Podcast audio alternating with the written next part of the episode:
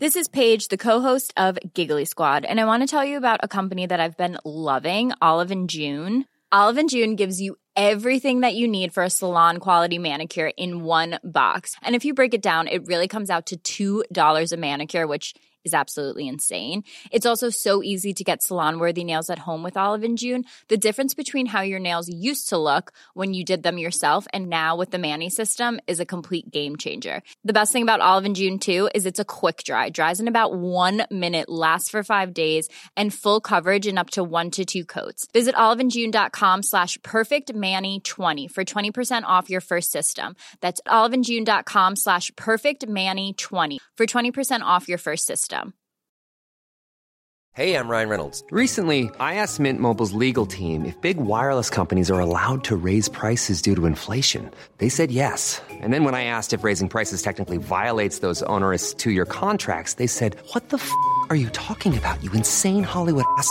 F- So to recap, we're cutting the price of Mint Unlimited from $30 a month to just $15 a month. Give it a try at mintmobile.com slash switch. $45 upfront for three months plus taxes and fees. Promo rate for new customers for limited time. Unlimited more than 40 gigabytes per month. Slows. Full terms at mintmobile.com.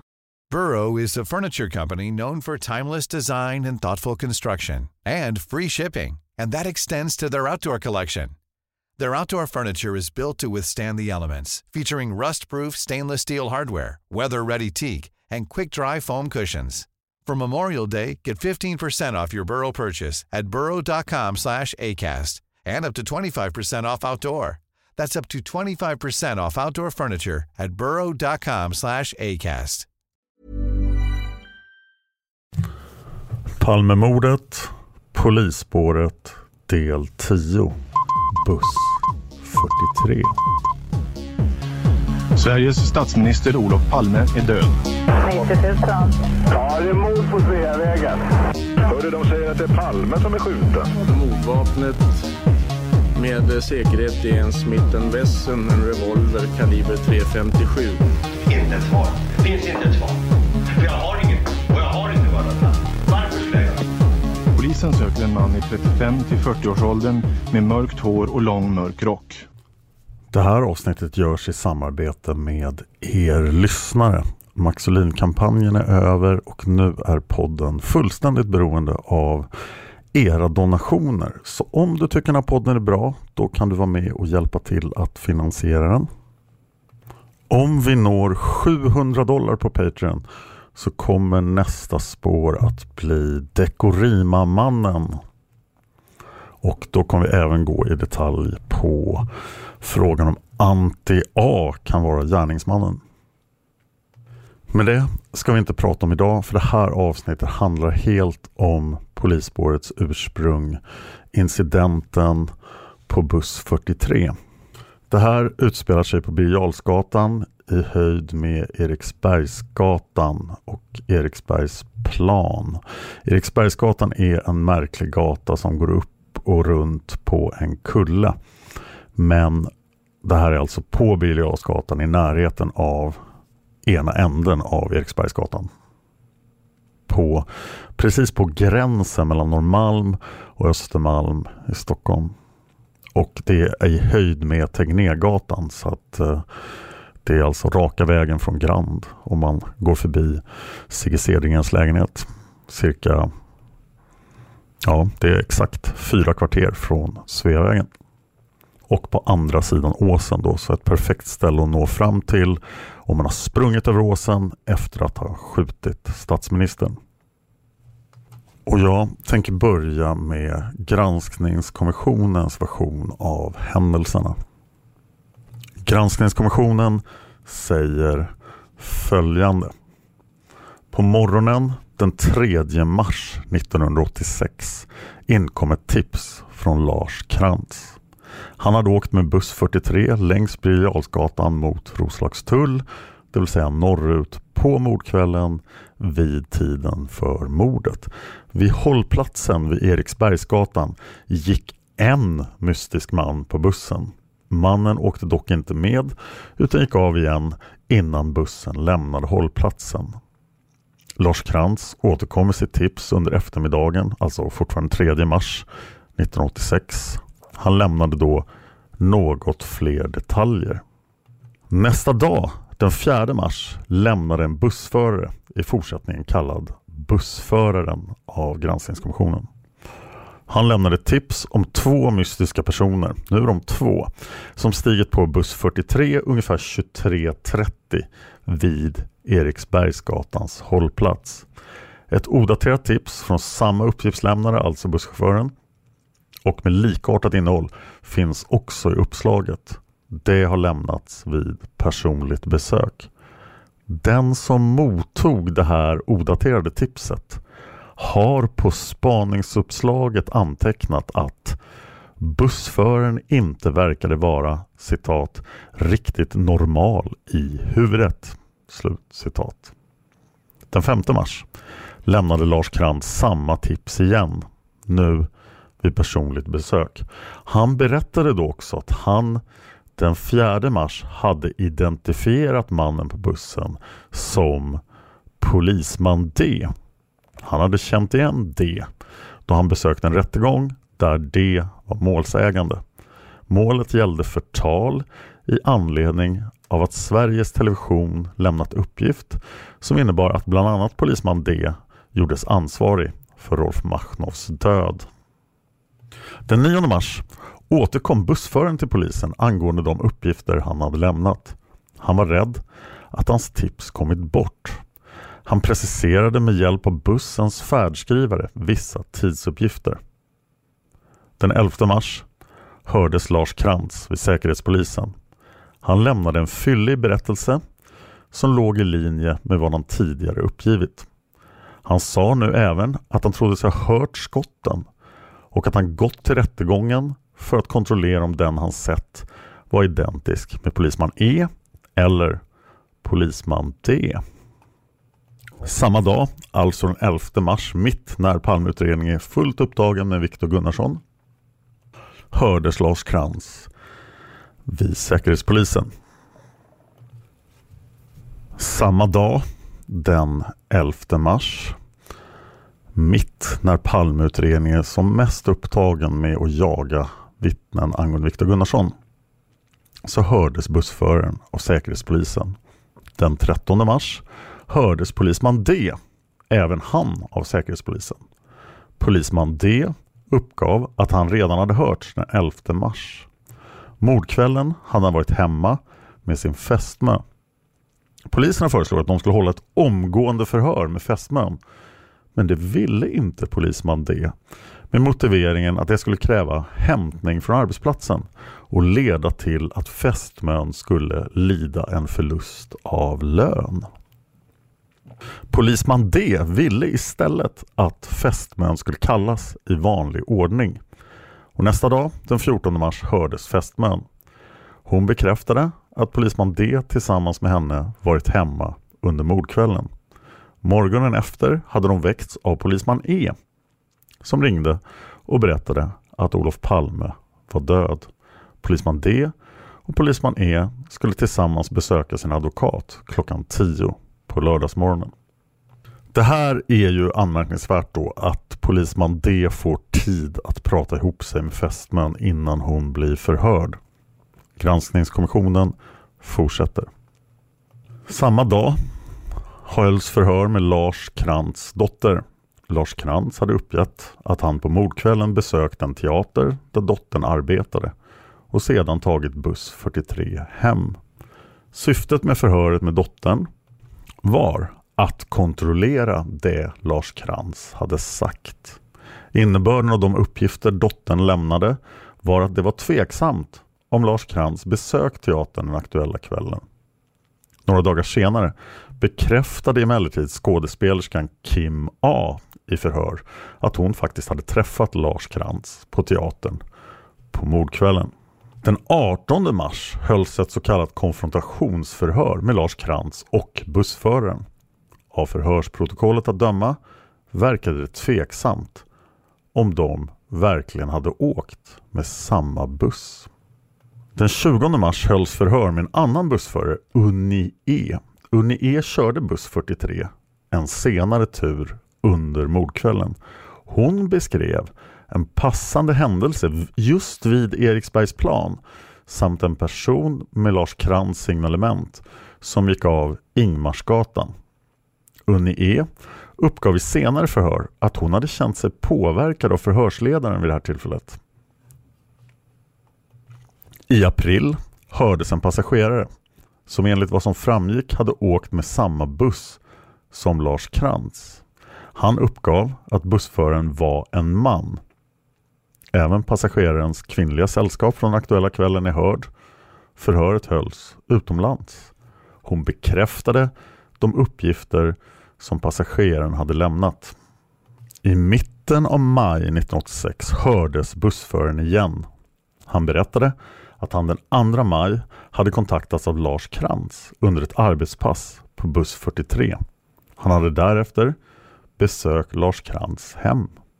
Lars Krantz hade visat bilder ur tidskriften 399 där det fanns bilder på polisman D och polisman E. Bussföraren hade då omedelbart känt igen polisman D. Drygt ett år senare, i juli 1987, hölls ett nytt förhör med polisman Ds fästmö. Enligt beslut av åklagare skulle hon ha hämtats utan föregående kallelse. Men hon kom istället att höras i hemmet eftersom hon hade ett litet barn att ta hand om. Hon bekräftade sina tidigare uppgifter och hon blev å polisman Ds vägnar upprörd över förhöret. I månadsskiftet oktober-november 1987 redovisades hela ärendet för den dåvarande spaningsledaren Ulf Karlsson som även studerade handlingarna. Därefter synes uppslaget i praktiken ha lagts ad acta. I december 1987 hölls emellertid ett förhör med en man, Å, som enligt vad polisman D tidigare uppgivit tillbringade fredagen den 28 februari 1986 med polisman D. Ås uppgifter stödde Ds berättelse. Han hade dock lämnat polisman D och dennes fästmö när de skulle äta vid cirka 19.30 eller 20. I uppslaget finns flera handlingar som är ägnade att allvarligt rubba tilltron till bussförarens utsagor. Han har sålunda i ett radioprogram hävdat att en av de män som steg på buss 43 vid det aktuella tillfället var en kvinna utklädd till man.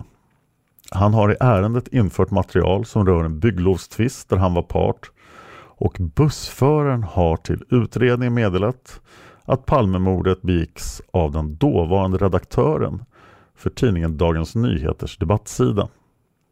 Det sista underuppslaget i ärendet är daterat i maj 1993. Det tips som åklagaren Anders Helin vidarebefordrade från en Leif P. Lars Krantz hade i samband med ett tv-program den 3 eller 4 mars 1986 lämnat uppgifter till Leif P. Och det gällde polisman D. Under det samtal som Leif P hade med Lars Krantz kom Hans Holmer förbi varvid Leif P lämnade över Lars Krantz till Holmer och sa Här är en som vet vem mördaren är. Det är oklart varför tipset förs vidare, liksom varför det har skett 1993, en tämligen sen tidpunkt. Jag har framför mig handlingar från Göteborgs tingsrätt. Aktetiketten säger datumet 1989 0217. Det rör ett åtal riktat då mot, det här var det jag nämnde i polisspåret del 1, mot Roger Gross och det kommunistiska partiet KPMLR. De kärande är polismannen Thomas E, polisman D och polisman E och även kommissarie Christian Dalsgård är med. De här handlingarna har vi försökt få ut i två år men nu har jag dem framför mig och de var lite av en besvikelse. De handlar, det som vi fick ut handlar i princip nästan enbart om buss 43. Och vi ska i ett senare avsnitt prata om resten av de här handlingarna, vad som faktiskt hände i den här rättegången. Men idag ska vi bara prata om buss 43 och bilaga 7 är ett antal skrivelser från Lars Krantz angående just buss 43. Och jag börjar från början. PM angående iakttagelser i samband med mordet på statsminister Olof Palme samt kontakter med polisen fram till den 23 maj 1986 av Lars Krantz.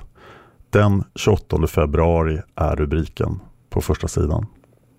Omkring klockan 23.05 lämnar jag, alltså Lars Krantz, torpedverkstaden på Skeppsholmen där den fria teatergruppen Galeasen uppfört Bertolt Brechts debutpjäs Bal. Min dotter Lina, sen står det 25 inom parentes, har tillfälligt arbete på teatern och jag har gått till föreställningen för att träffa henne. I pausen talar jag också med en bekant i publiken, skådespelerskan Kim A. Min dotter är kvar på teatern när jag går därifrån. Jag kommer till busshållplatsen vid Karl XIIs torg för att ta buss nummer 43 till min bostad på Ingemarsgatan vid Norrtull. Klockan är då 23.19 vilket jag konstaterar eftersom det är samma tid som bussen ska gå enligt turlistan på stolpen. Jag ser ner på min egen klocka som går rätt och på klockan på Jakobs kyrka. Eftersom jag inte sett någon buss på Skeppsbron medan jag gick Blasieholmen fram drar jag slutsatsen att den är sen. I väntan på bussen går jag över gatan och ner mot vattnet. Det är decimetertjockt snötäcke, 10 grader kallt och blåsigt. Just ingen trafik, inga gående. Jo, en äldre man kom fram till stolpen. Men han gick igen.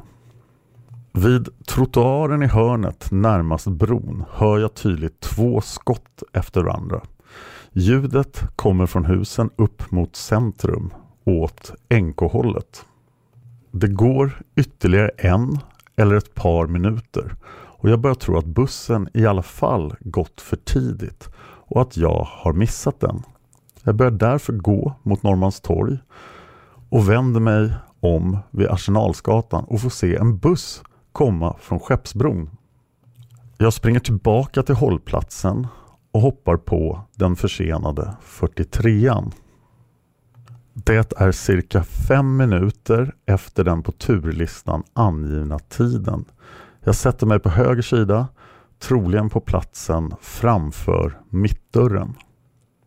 Vid Norrmalmstorg är det några påstigande och bussen fortsätter omedelbart till hållplatsen vid Stureplan där några också går på.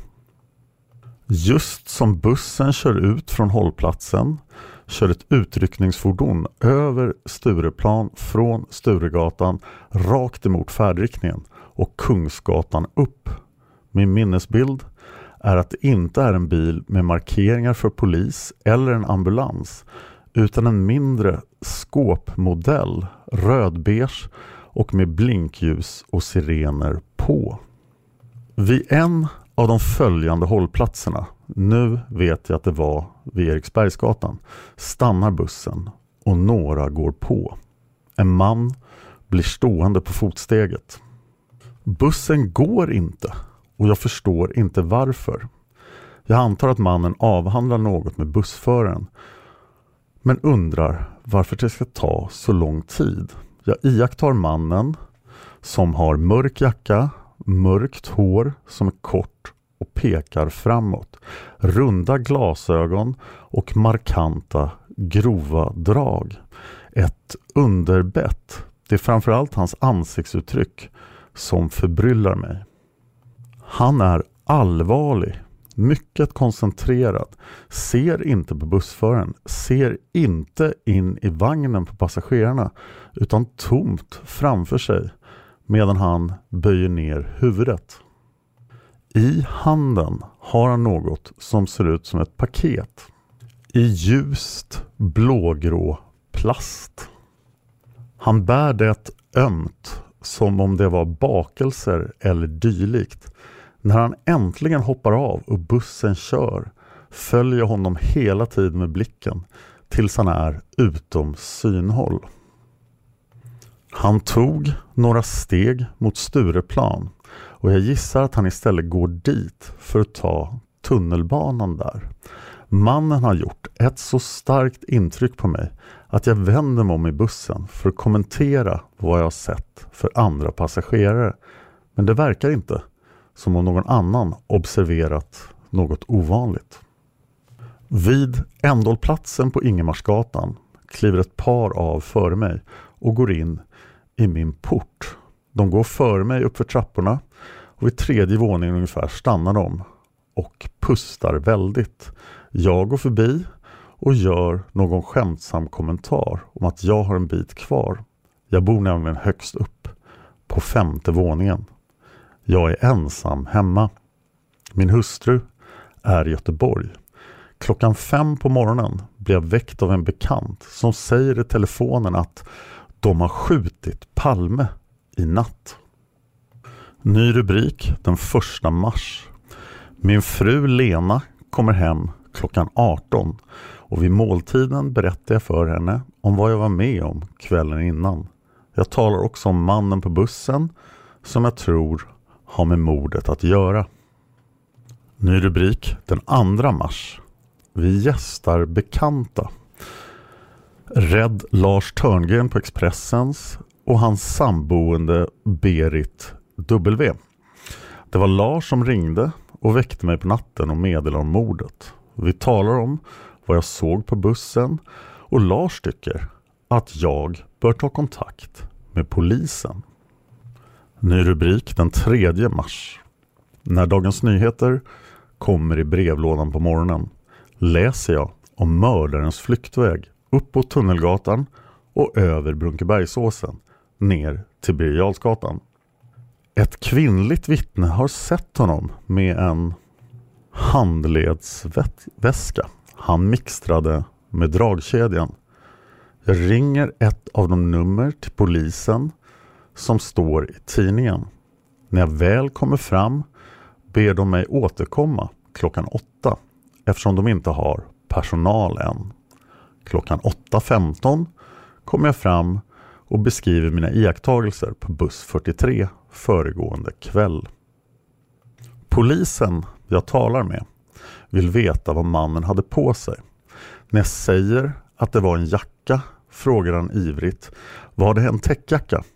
Nej, det tyckte jag inte. Jag påpekar att han måste ha talat med bussföraren. Sök bussföraren. Talade han svenska? frågar polismannen. Jag säger att jag inte hörde ett ord men eftersom han dröjde så länge så torde de ha talat med varandra. Men det kan bussföraren ge besked om. På kvällen ringer jag åter till polisen. En kvinnlig polis tar emot. Jag talar om att jag ringt på morgonen. Och nu lägger jag till bland annat att jag tror att mannen bar glasögon. Både på morgonen och på kvällen tar polisen upp mitt namn, min adress och mitt telefonnummer. På morgonen tar de också personnumret. Ny rubrik den 4 mars. Får besök på min arbetsplats på TV2 av min son Niklas, parentes 31, som har ett vikariat på Expressen och är inkopplad på mordet. Berättar om mannen på bussen. Niklas säger att han föregående dag fått ett anonymt telefonsamtal till tidningen från en man som uppgett sig vara polisbefäl från södra Dalarna. Han hade erfarenhet av den så kallade Baseballligan, den gatuvåldsgrupp på VD1 som opererat 1981 till 82 i Stockholms innerstad och som vållat livlig debatt, framförallt för Machnovs död i OT-rummet på Stockholms central 1982. Den anonyme polismannen menade att Olof Palmes mördare kunde sökas bland dessa våldsfixerade polismän. Niklas upplyser också om att rättegång mot Sveriges Radio där de två polismännen polisman D och polisman E stämt programutgivaren på TV1 för förtal och krävt 75 000 kronor skadestånd. Att den just pågår i Svea hovrätt. På eftermiddagen besöker jag hovrätten tillsammans med en kollega. Vi kommer in i rättssalen klockan 16.45. Fem meter framför mig sitter en mörk man som jag ser i profil. Jag igenkänner honom så gott som omedelbart som den man jag såg på bussen på mordkvällen. Jag flyttar mig till en ledig stol några platser åt höger så jag kan se mannen mera snett framifrån. Det är knappast någon tvekan. Vi lämnar rättssalen efter att ha varit där inne i kanske fem minuter. Vi går ut och väntar nedanför trapporna till hovrättsbyggnaden. Efter en stund kommer en smal man utan ytterkläder utspringande och bort till en bil som han har parkerad bakom Riddarholms, Riddarholmskyrkan. Strax därpå kommer poliserna och deras advokater. Jag studerar polisman D för att se hans gång och sätt att hålla huvudet. Han spanar in oss. Har han huvudet lite framåtlutat som på mordkvällen? Nej, men han har samma rullande gång. Han har nu en tvåfärgad täckjacka.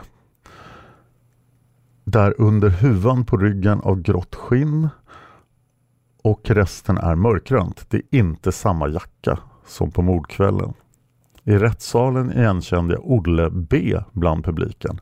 Han är ansvarig utgivare för tidskriften 399 och har också blivit åtalad av polisman D och polisman E för en artikel efter tv-programmet där de båda polismännen omtalas med namn och passfoton som de som slog ihjäl Rolf Machnov.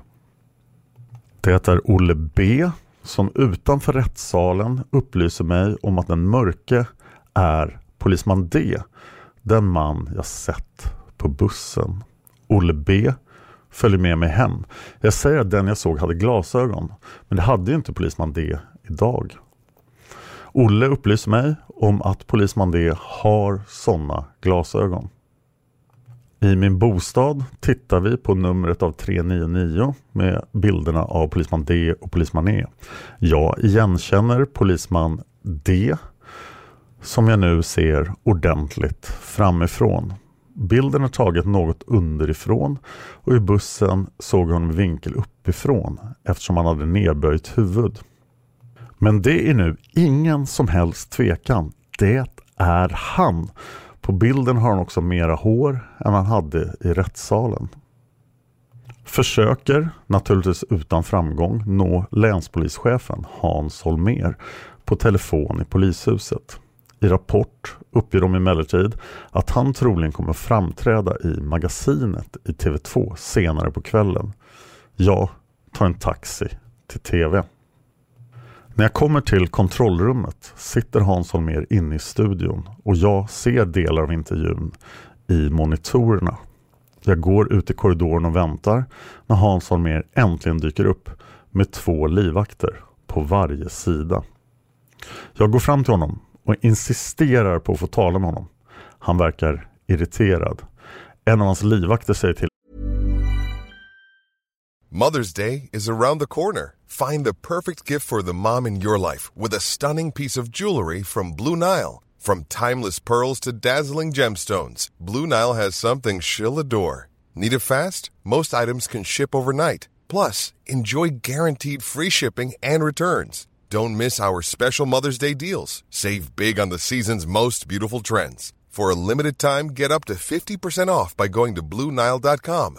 That's Blue BlueNile.com. Even on a budget, quality is non-negotiable. That's why Quince is the place to score high-end essentials at 50 to 80% less than similar brands. Get your hands on buttery soft cashmere sweaters from just 60 bucks, Italian leather jackets, and so much more. And the best part about Quince, they exclusively partner with factories committed to safe, ethical, and responsible manufacturing. Elevate your style without the elevated price tag with Quince. Go to quince.com slash upgrade for free shipping and 365-day returns. Hiring for your small business? If you're not looking for professionals on LinkedIn, you're looking in the wrong place. That's like looking for your car keys in a fish tank. LinkedIn helps you hire professionals you can't find anywhere else, even those who aren't actively searching for a new job but might be open to the perfect role. In a given month, over 70% of LinkedIn users don't even visit other leading job sites. So start looking in the right place. With LinkedIn, you can hire professionals like a professional. Post your free job on linkedin.com slash people today. Med att Hans Holmér är mycket upptagen. Jag säger att jag måste få tala med honom nu. Han föreslår att jag ska komma till polishuset. Jag frågar om jag ska följa med. Då ändrar han sig och säger att jag kan tala nu. Jag föreslår att vi ska gå in i väntrummet bredvid korridoren och sätta oss. Och Hans Holmér följer med. Vi sitter i en soffa och de fyra livvakterna står bredvid. Holmér verkar mycket irriterad och jag anser att jag måste försöka förklara vem jag är. Jag upplyser om att jag varit kriminalreporter tidigare, att jag arbetat på tv sedan 1962 och att jag är verksam på faktaredaktionen. Jag börjar med hur jag väntade på en buss vid Kungsträdgården, att jag faktiskt hörde skott, att bussen kom något försenad. Jag märker hur Holmer blir otålig och han säger till sina följeslagare och mig att de ska ta mitt telefonnummer. När jag kommer till att en man klev på bussen vill Holmer bryta upp. Då säger jag till honom, vill du inte veta vem det är? Jag är mycket ivrig och Holmer svarar, ja, vem är det då? Jag börjar rota i min portfölj efter en lapp med namn och adress på polisman D men kan inte hitta den. Istället får jag upp numret av 399 samtidigt som jag säger att jag har sett honom i hovrätten idag och jag pekar på bilden av polisman D. Länspolischefen börjar resa sig från soffan. En av livvakterna frågar vem bilden föreställer. En kollega, säger Hans Holmér, varpå han ställer sig upp och går ut ur rummet, tätt åtföljd av de fyra livvakterna. Två på varje sida. De avtågar i korridoren med raska steg och försvinner. De har inte tagit mitt namn, mitt telefonnummer eller någonting. Magasinets utsändning fortsätter och nu sitter Leif GW Persson i studion. När han kommer ut berättar jag i sminklåsen medan han tvättar av sig vad jag har bevittnat på bussen. Han tänder direkt och upplyser om att en sådan handbag som jag såg att polisman D bar är av det slaget som polismännen har sin pistol i när de går civila på stan. Vi ger varandra telefonnummer och han säger att han ska ringa samtal. Ny rubrik den 5 mars. I polishuset Bergsgatan på Kungsholmen berättar jag min historia för kriminalinspektör Arne F på säkerhetsavdelningen. Han blir mycket upprörd och säger att han lovar att han ska ordna så att jag får tala med någon som lyssnar på mig.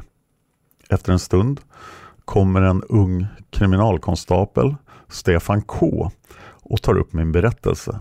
Han blir också mycket chockerad när han får klart för sig att jag utpekar en polisman som eventuell mördare. Ny rubrik. Den 9 mars, här hoppar alltså Lars Krantz fyra dagar. Ingenting har hänt sedan jag lämnade min berättelse. Jag ringer Jan på Dagens Eko och ber honom kolla. Jo, han får veta hos polisen att tipset om polisman D är bekant för spaningsledningen men att det inte är högprioriterat. Ny rubrik 10 mars. Svenska Dagbladet innehåller en uppgift om att en kriminalinspektör med licens på en Magnumpistol har varit i förhör. Jag ringer Stefan K som upplyser om att två poliser för närvarande är föremål för utredning. Han låter förstå att den ena är polisman D och att han har varit i förhör. Den 11 mars. Klockan 11, telefon till min arbetsplats från en man på Rikskriminalen som presenterar sig som Jan S och säger att från och med igår övertar jag utredningen efter Holmer. Han vill veta om det är jag som varit i kontakt med Holmer så att han har kommit till rätt person. När jag frågar vad han har för titel säger han kriminalinspektör.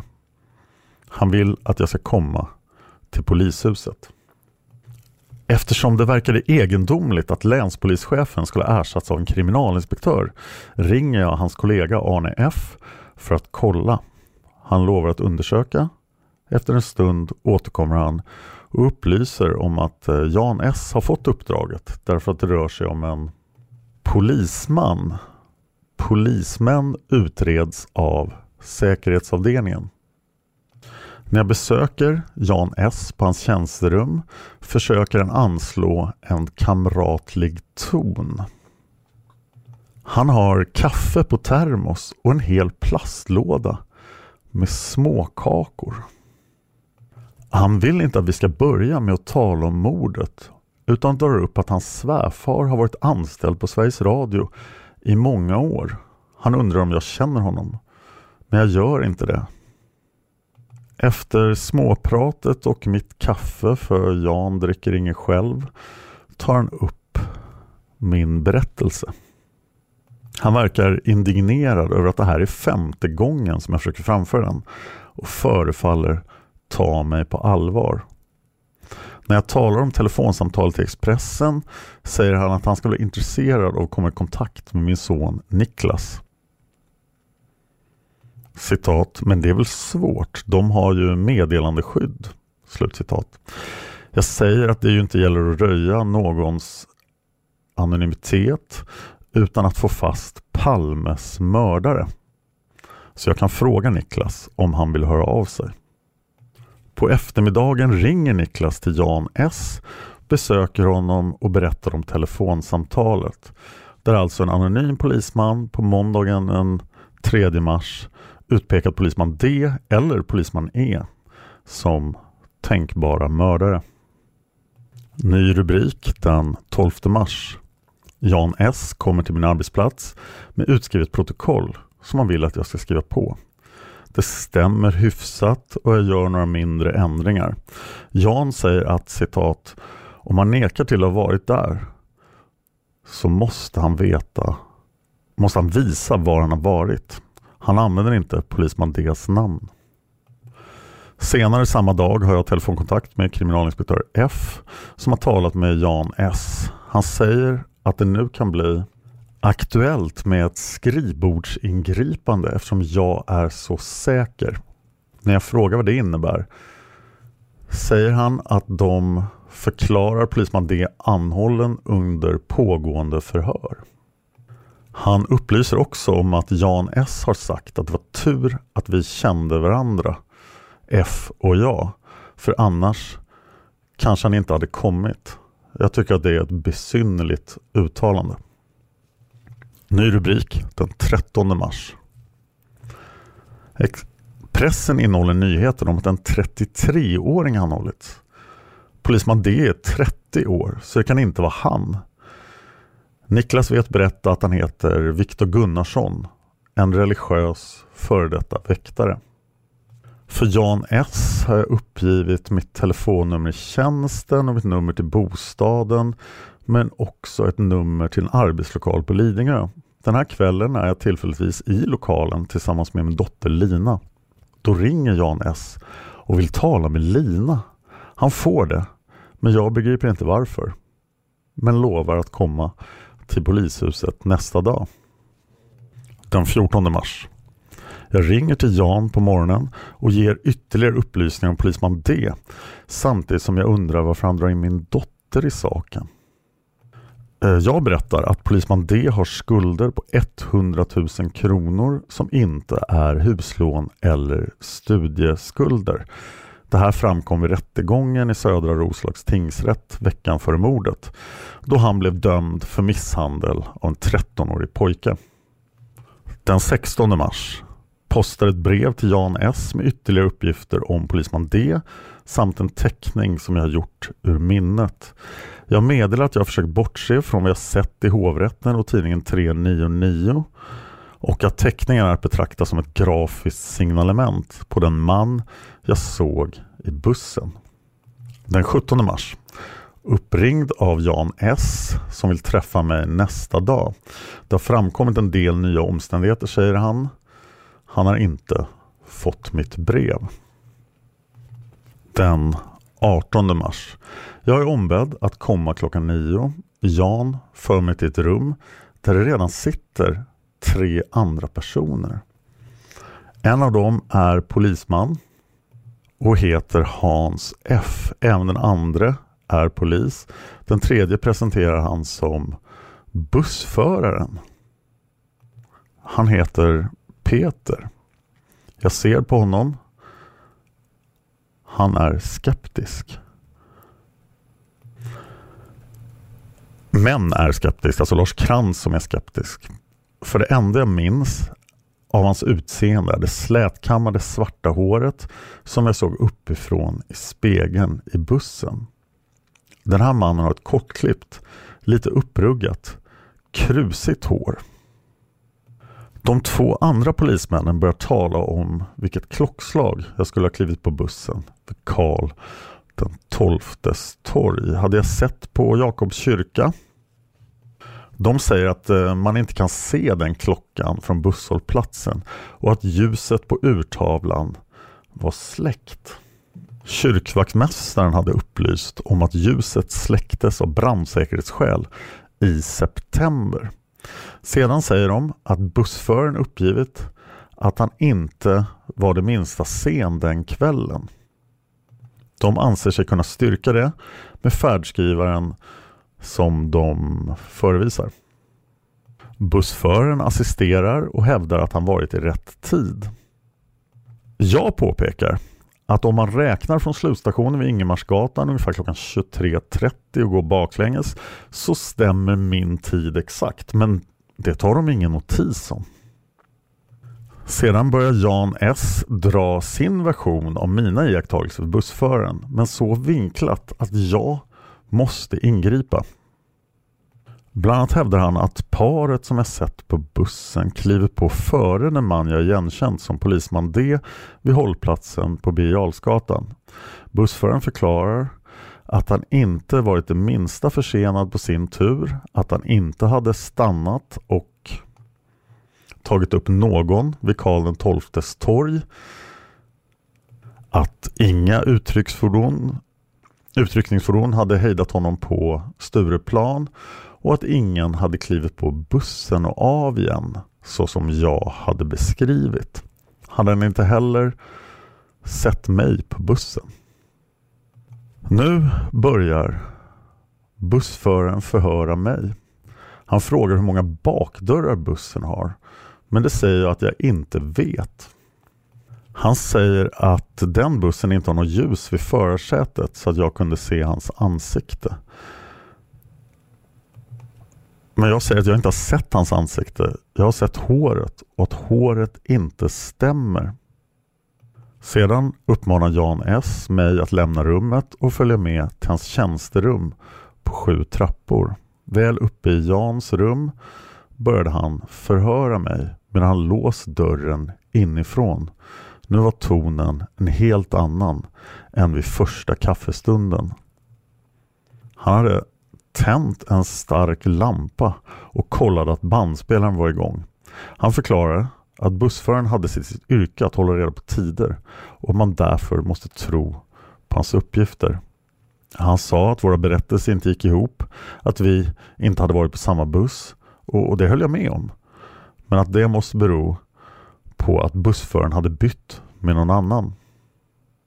Därefter tar Jan S fram ett protokoll efter förhör med min dotter Lina. Hon hade inte skrivit under det men han ansåg att ändå skulle dra det här förhöret. Enligt min dotter skulle jag inte ha varit på teatern mordkvällen utan på måndagen i samma vecka. Den 28 februari hade Lina varit ensam på teatern och efter föreställningen hade hon gått ut på en restaurang med en väninna. Nästa dag hade hon träffat mig och då hade jag berättat att jag hade varit på bio den 28 februari.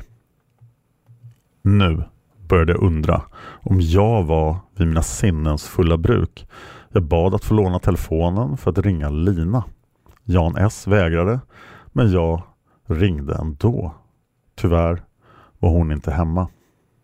Jag sa att om det verkligen var på det här sättet så måste jag sjukskriva mig och vila upp mig. För då stämmer ingenting. Jan S höjde rösten och sa att han nu skulle lägga ner utredningen mot polisman D och han varnade mig för att nämna polisman D i samband med mordet på Olof Palme eftersom det kunde medföra åtal för förtal. Jag sa inte att jag var, jag var inte rädd för något åtal men jag var rädd för polisman D. Det dröjde inte en timme efter besöket på polishuset förrän jag kunde bevisa att jag hade varit på teatern mordkvällen. Dels kunde min fru intyga det. Hon hade varit i Göteborg och jag hade berättat för henne i telefon att jag var där. Dessutom fick jag tag på Lina och hon sa att hon hade talat om för Jan S att det var på fredagen. Han hade tvekat först. Och då hade hon tvekat och när hon var osäker hade hon velat ringa mig. Men Jan S hade vägrat. Hon sa vidare att hon hade haft som jobb att skriva upp beställningarna till teatern den veckan och att de lapparna fanns kvar på teatern. Där borde mitt namn också finnas. Jag ringde till teatern och fick tag på en man som hittade lappen och där stod mitt namn på den 28 februari. Jag ringde omedelbart Jan S och sa att jag nu kunde styrka att jag var på teatern den kvällen och att jag vidhöll mina uppgifter. När han påstod att de inte stämde med bussförarens så sa jag att det måste bero på att han hade bytt. Då sa Jan S att det går ju faktiskt aldrig att få någon klarhet i. Också ett märkligt yttrande. Hos Jan S hade jag också berättat att Kim A hade varit på teatern och att jag hade talat med henne i pausen. Ett par timmar efter det att jag hade upplyst Jan S om att jag kunde bevisa vilken kväll det var på teatern och att det till och med fanns skriftlig bevisning på teatern.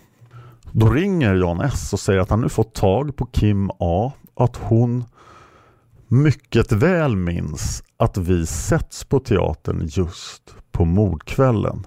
Därmed borde saken vara klar. Jag undrar om han har fått tag i paret på bussen? Nej, vi har inte nått dem, säger han. Jag förstår att jag har varit utsatt för någon slags psykologiskt experiment och jag undrar vad de håller på med egentligen. Den 19 mars. Åklagaren har begärt Viktor Gunnarsson häktad. Tidningen Arbetet hade namn och bild på honom igår. Häktningsförhandlingen ska hållas idag. Helt överraskande meddelas på middagen att han har släppts. På kvällen ringer Leif GW Persson och säger att han följer utredningen på avstånd och att de håller på och att jag inte ska vara orolig.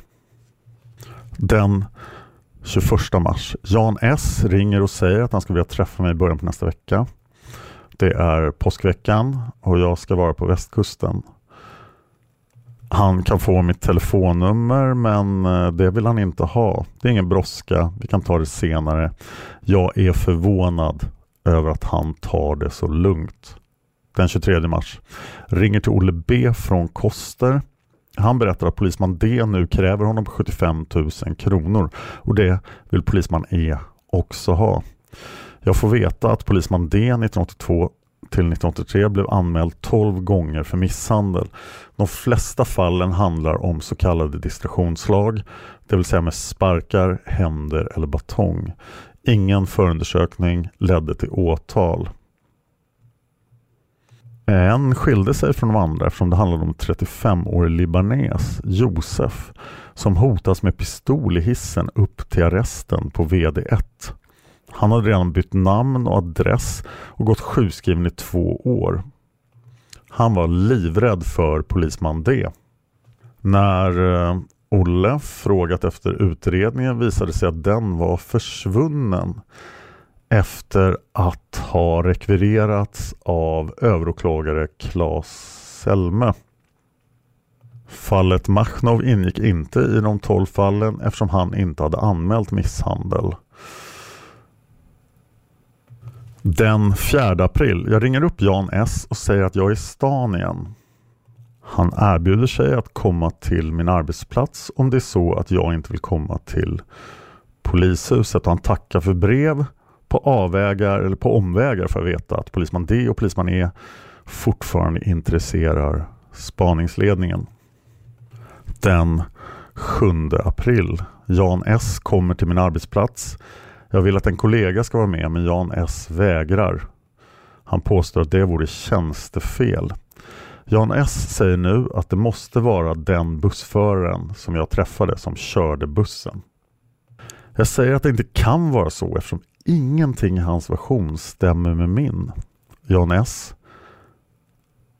visar mig ett nio sidor långt protokoll som han säger är förhör med bussföraren. De har hört honom i fem timmar. Han upplyser vidare om att bussföraren skulle ha hört av sig till polisen innan jag bad dem söka honom. Jag undrar varför han hade sökt polisen om han inte hade någonting att berätta. Men det vill Jan S inte förklara. Och jag får heller inte läsa förhörsprotokollet med bussföraren. Jan S börjar sedan av misstag läsa upp ett protokoll från ett förhör med en annan bussförare än Jon J som citat körde bussen från Tantolunden klockan 23.00. Jag hoppar till och säger att men det är ju min buss. Jon J hette den förare som skulle ha kört bussen den 28 februari men som var pappaledig. Jan S avbryter läsningen och vill inte förklara vad det är för protokoll. Och senare får jag veta från annat håll att det handlade om den tur som Jon J körde den 24 februari. Det var alltså den måndagen som min dotter påstås uppgivit att jag skulle ha varit på teatern. Därefter har Jan S ett protokoll från den kvinnliga bussföraren Unni E som körde den andra bussen mordkvällen. Den som gick 25 minuter efter den bussen som jag åkte med. Enligt det protokollet gick en person på bussen vid Engelbrektsplan han gick av igen därför att han skulle med 46an. Men signalementet stämde inte alls med den man som jag hade sett. Dessutom hade en man i 60-årsåldern åkt med bussen till ändhållplatsen vid Ingmarsgatan. Och det skulle vara jag, men inte heller det signalementet stämde. Jan S hade inte gjort några vidare efterforskningar på paret. Inte heller utryckningsfordonet hade han hittat. Någon polisbil hade inte passerat Stureplan vid tidpunkten påstår han. Hans ståndpunkt var fortfarande att jag inte hade åkt med bussen och att alltså mina uppgifter om polisman D inte stämde. Beträffande Unni E's uppgift hör det till saken att det inte går någon 46 efter hennes sista 43. Och vidare säger Jan S att polisman D har alibi. Jag undrar varför de kollar hans alibi om mitt vittnesmål inte förtjänar någon tilltro. Jan S undrar om jag skulle kunna plocka ut den rätte bussföraren bland tio. Jag säger om de plockar ut tio slätrakade bussförare med mörkt hår så kan jag säga att jag kanske att det kanske är någon av dem men inte vilken. Protokollet från min första anmälan per telefon den 3 mars har Jan S inte kunnat hitta. För det har helt enkelt försvunnit. Nu upplyser han om att fasadbelysningen på Jakobs kyrka var släckt sedan den 21 februari då en säkring hade gått. Det är en helt ny uppgift. Förra gången var ljuset släckt sedan september. Jan S berättar vidare att han, de har provgått sträckan från teatern till busshållplatsen Karl XIIs torg. Och den tar faktiskt bara 11 minuter. Men det stämmer ju perfekt med mina uppgifter. Jan S visar också en packe med beställningar till teatern. Det är åtminstone alla som beställde biljetter den veckan som Olof Palme mördades. Och jag antecknar i min dagbok. Det är uppenbart att Hans Holmér skyddar polisman D och att Jan S handlar på Holmers uppdrag. Och där måste vi sluta för idag. Men jag har alltså mycket, mycket mer Buss 43. Det blir till avsnitt. Då ska vi prata om vad Gunnar Wall säger om det här. Vi ska prata om granskningskommissionens slutliga uttalande och vi ska givetvis avsluta Lars Krantz berättelse. Men jag skulle nog med lätthet kunna göra tre avsnitt om buss 43. Så ni får i princip välja. Jag vill höra era synpunkter. Vill ni ha, nöjer ni er med ett avsnitt till om buss 43 eller vill ni ha två? För att påverka er i den omröstningen så är alltså nästa sak jag ska ta upp efter buss 43 är Södermalmspiketen 3230. Men nu har polisspåret gått i åtta avsnitt så nu blir det en paus och jag lämnar över rodret till Tobias en liten stund. Om ni går in och sponsrar Palmemordet på Patreon så får ni omedelbart om ni tittar i posterna på Patreon en inbjudan till Palmevandringen den 28 februari 2019. Och där hoppas jag få se så många som möjligt av er som sponsrar podden. Det skulle vara jättekul. Palmemordet finns på Facebook. Palmemordet finns fortfarande på Youtube men det kan komma att ändras ganska snart. För numera levereras podden från ilikeradio.se jag finns på Twitter som Dan Horning, jag finns på Instagram som Dan Hörning. Jag vill gärna ha iTunes-recensioner. Om ni lyssnar på podden på en Apple-plattform så gå gärna in och lämna en recension. Jag kommer att läsa upp alla recensioner i podden. Tack för att ni lyssnar på Palmemordet. Man hittar Palmes mördare om man följer PKK-spåret till botten. Därför att ända sedan Julius Caesars tid har det aldrig hört talas om ett mord på en framstående politiker som inte haft politiska skäl. Polisens och åklagarens teori var att han ensam hade skjutit Olof Palme. Och det ledde också till rättegång. Men han frikändes i hovrätten. Nu ska vi ut och röva, stråtiga. Vi ska ut och röva. Want flexibility? Take yoga. Want flexibility with your health insurance? Check out United Healthcare Insurance Plans. Underwritten by Golden Rule Insurance Company, they offer flexible, budget friendly medical, dental, and vision coverage that may be right for you. More at uh1.com. Hey, it's Danny Pellegrino from Everything Iconic.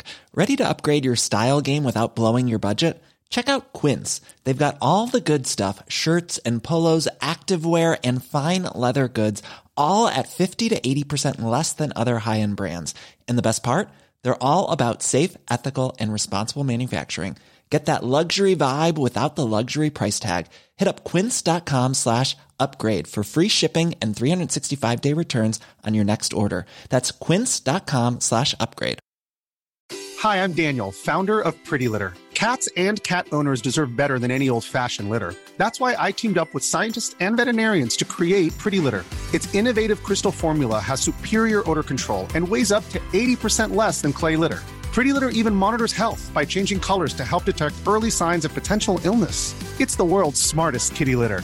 Go to prettylitter.com and use code ACAST for 20% off your first order and a free cat toy. Terms and conditions apply. See site for details.